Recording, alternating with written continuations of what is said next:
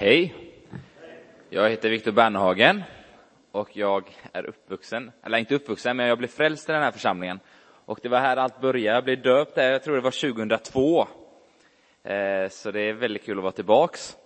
Eh, just nu jobbar jag som ungdomspastor i Pingstkyrkan i Allingsås sedan några månader tillbaks. Och det är väldigt kul att vara här. Eh, jag har haft en spännande tid bakom mig. Eh, jag var på skidläger i Åre med mina ungdomar och vi fick möta Gud tillsammans där. Eh, jag såg liksom vad Gud gjorde i ungdomarna. Eh, det är tre tjejer som kom fram och ville döpas, varav två inte kommer från kristna familjer, som har känt att Gud har mött dem och Gud har talat till dem, så de kände att dopet var det naturliga steget. Jag var på Smyna nu nyligen, när Sebbe Staxet, eller vad han heter, var där. Det var helt knökat hela kyrkan. Det var uppemot 300 som blev frälsta. Och jag, jag kom lite sent, så jag satt på övervåningen och kollade på en tv-skärm och tyckte det var ja, lite lagom roligt. Men, men jag satt och rös. För det var någonting i det han sa som var så mäktigt. Det var så osminkat. Det var liksom evangelium rakt av. Och jag såg liksom när folk kom fram och fick möta Gud. Och, och nu i, i fredags så hade vi en lite större samling i Alingsås som vi kallar All In, en ungdomssamling. Och jag bjöd dit min vän från Uppsala Pingst, Robert Virehag, som ungdomspastor där. Och han predikade starkt budskap och vi kände Guds närvaro på ett speciellt sätt. Och, och jag vet åtminstone en tjej som gav sitt liv till Gud. Så det händer grejer. Jag, jag är peppad. Eh, hoppas att ni peppar också. Eh, jag ska börja predika alldeles strax. Eh, men jag tänkte jag läser bibeltexten jag utgår från. Jag har satt temat idag, ett född på nytt i ett levande hopp. Det är temat på min predikan, eller rubriken. Jag tänkte läsa ett bibelord först, och sen ber jag, och sen så läser jag ett bibelord till som är lite längre. Eh, det står så här från första Petrusbrevet kapitel 1, vers 3. Välsignad är vår Herre Jesu Kristi Gud och Far. I sin stora barmhärtighet har han genom Jesu Kristi uppståndelse från de döda fött oss på nytt till ett levande hopp, till ett arv som aldrig kan förstöras, fläckas eller vissna och som förvaras åt er i himlen. Jag läser en gång till. Välsignad är vår Herre Jesu Kristi Gud och Far. I sin stora barmhärtighet har han genom Jesu Kristi uppståndelse från de döda fött oss på nytt till ett levande hopp, till ett arv som aldrig kan förstöras, fläckas eller vissna och som förvaras åt er i himmelen. Vi ber. Jag tackar dig Jesus för att du har fött oss på nytt i ett levande hopp, Herre. Tackar dig för att du är hopp i en hopplös tid, Herre. Jag bara ber just nu att ditt ord ska få drabba oss, Herre, att vi ska få komma nära ditt hjärta idag, Herre. Jag tackar dig för att du är en talande Gud och du har sett oss var och en som är här inne, Herre. Jag bara ber att du ska hjälpa mig när jag förkunnar ditt ord, för jag behöver din ande, Herre. Hjälp mig, Herre. Tackar dig för det ska få bli en stund idag när himmel möter jord, här. att vi ska få stå på helig mark idag, Gud. Och tackar dig för du är närvarande där två eller tre är samlade i ditt namn. Är du mitt ibland oss. Tack för det, Jesus. I Jesu namn, amen. Födda på nytt i ett levande hopp.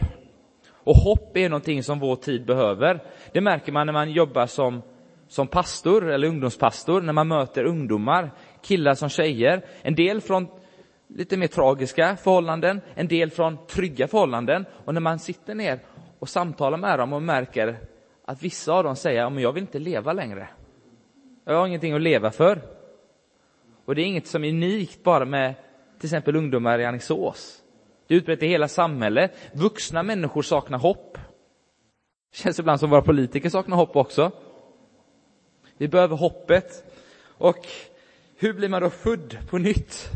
Den här predikan handlar inte så mycket om hoppet i sig, utan det är född på nytt. Vi blir födda på nytt och i det så får vi hoppet. Och, och hur blir man då född på nytt? Och det var en man, som de flesta känner till, som heter Nikodemus, som ställde sig samma fråga. Och det, jag tänkte läsa det stycket från Johannes evangeliet kapitel 3. Men Nikodemus var ingen vanlig man. Han tillhörde Stora rådet. Han var en from man, en beläst man. Han, han fastade två gånger per dag. Han bad minst två timmar per dag. Och man skulle nog kunna säga att han var professor i teologi. Han kunde Bibeln ut och innan. Så skulle någon av oss sitta och debattera med Nikodemus så skulle det inte vara roligt. För jag tror att alla här inne skulle åka på, ja, på däng ja. Eh, men han hade hört Jesus. Han hade sett vad Jesus gjorde. Och han var fascinerad av det. Men han vågade inte gå till Jesus på dagen, så han går till Jesus på natten. Och det är kontexten till eh, det jag kommer läsa. Jag kommer läsa 18 verser. Och det är det långa stycket jag läser, sen så är det bara en vers från Galaterbrevet. Jag läser från vers 1 i kapitel 3. Bland fariseerna fanns en man som hette Nikodemus, en av judarnas råds, rådsherre. Han kom till Jesus en natt och sade, Rabbi, vi vet att du är en lärare som kommer från Gud. Ingen kan göra det tecken som du gör om inte Gud är med honom. Jesus svarade, jag säger det sanningen. Den som inte blir född på nytt kan inte se Guds rike. Nikodemus sade, hur kan en människa bli född när hon är gammal? Hon kan väl inte komma in i moderlivet och födas en gång till? Jesus svarade, jag säger det sanningen. Den som inte blir född av vatten och ande kan inte komma in i Guds rike. Det som är fött av kött är kött. Det som är fött av ande är ande. Var inte förvånade över det jag sa. Eh, eh, var inte förvånade över att jag sa det, att ni måste födas på nytt. Vinden blåser vart den vill och du hör dess sus, men du vet inte varifrån den kommer eller vart den är på väg. Så är det med var och en som är född av anden. Nikodemus frågade, hur kan det gå till? Jesus svarade, du är Israels lärare. Förstår du inte det här?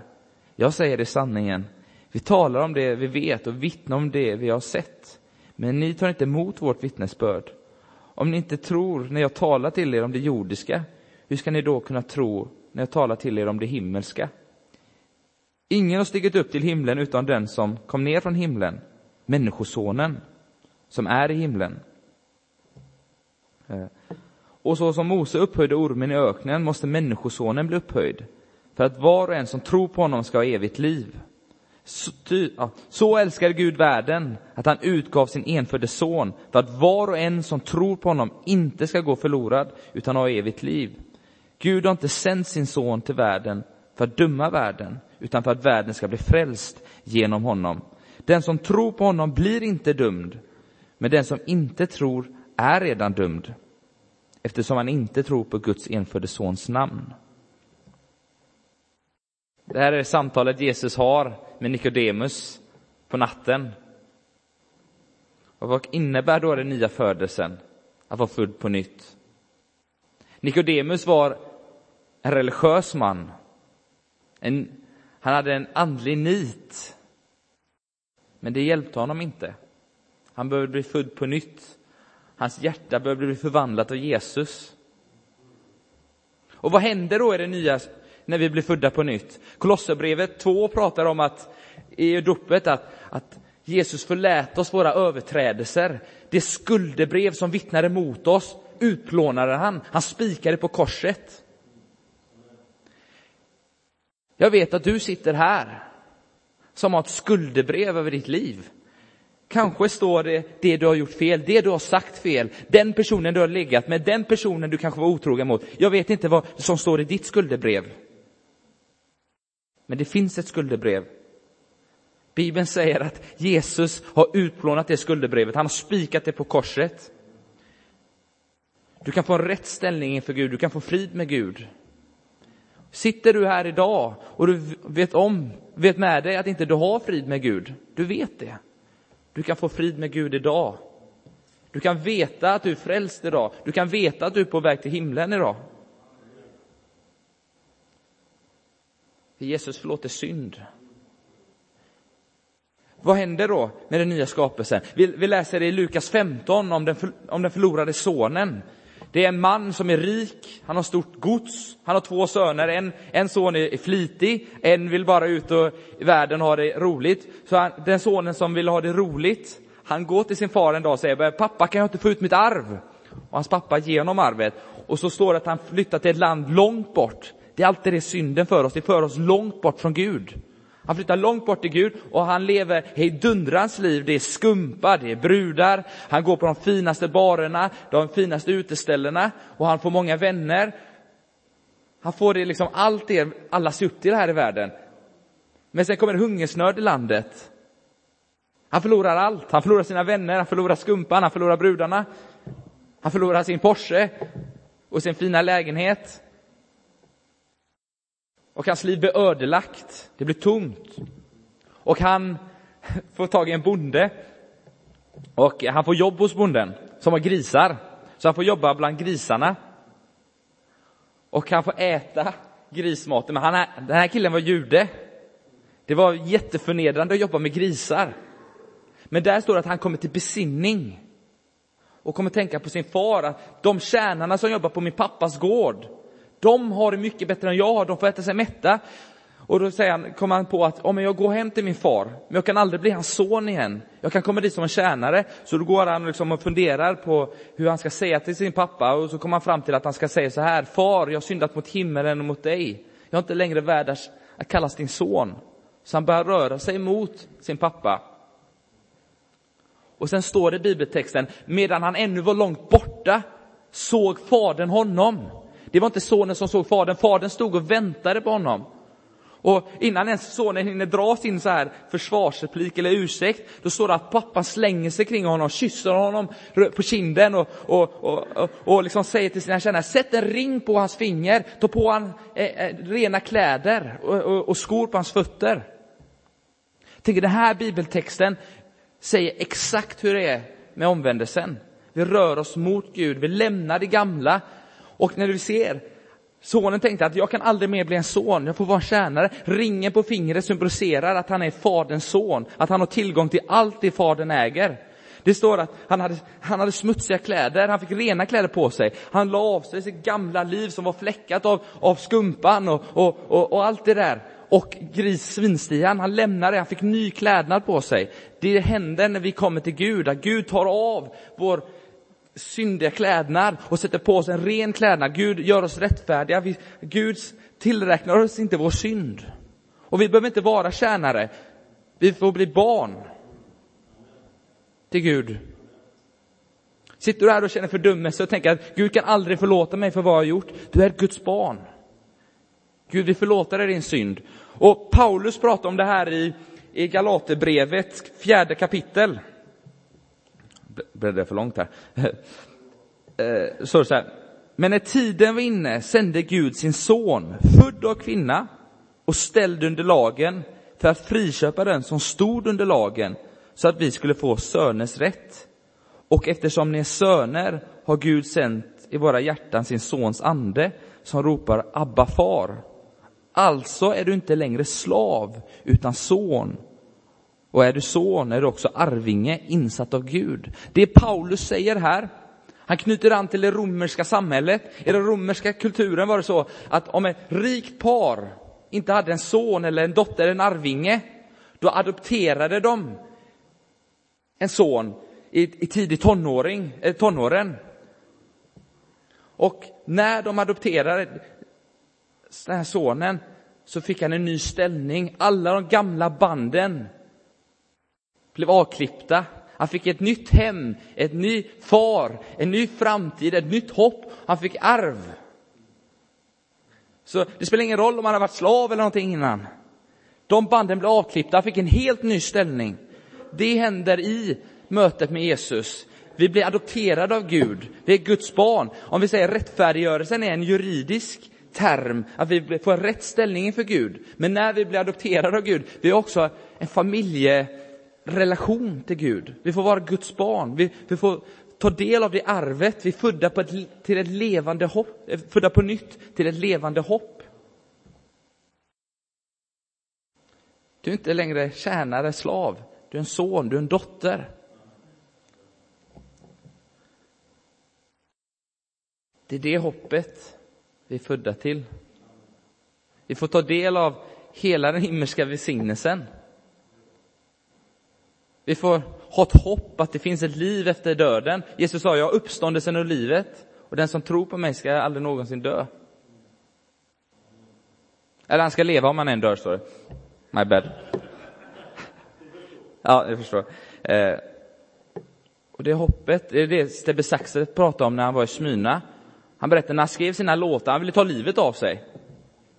Han hade allas beröm, men han var tom in, invändigt. Han pratade om alla de här coola killarna som gick runt med pistol. Men varför har du pistol? Det är för du är rädd. Han var rädd, han var tom. Han hade inte frid med Gud och han var arg på polisen för att han inte fick vara med på sin sons eller barns födelse för han hade gjort ett värdetransportrån och han såg inte sin egen, sin egen eh, roll i det hela utan han hade bitterhet mot polisen. Men han hade fått möta Gud och han stod och pratade om det helt osminkat. Han sa att han var tom. Jag ska alldeles strax avsluta, men vet du med dig att inte du har frid med Gud idag? Så kallar Gud på dig. Han vill föda dig på nytt. Han vill utplåna ditt skuldebrev. Han vill adoptera dig. Vi får kalla Gud pappa, Abba, far. Det är unikt i kristendom. Inom islam, du får inte kalla Gud pappa. Det är vår far. Jag ska läsa Petrusbrevet en gång till. Välsignad är vår Herre Jesu Kristi Gud och Far. I sin stora barmhärtighet har han genom Jesu Kristi uppståndelse från de döda fött oss på nytt till ett levande hopp, till ett arv som aldrig kan förstöras, fläckas eller vissna och som förvaras åt er i himlen. Jag tror att samhället behöver det hoppet. Jag tror att Sverige är i behov av Jesus. Jag tror att när en människa får möta Gud så blir det ringa på vattnet. Vi såg det med Sebastian Staxet.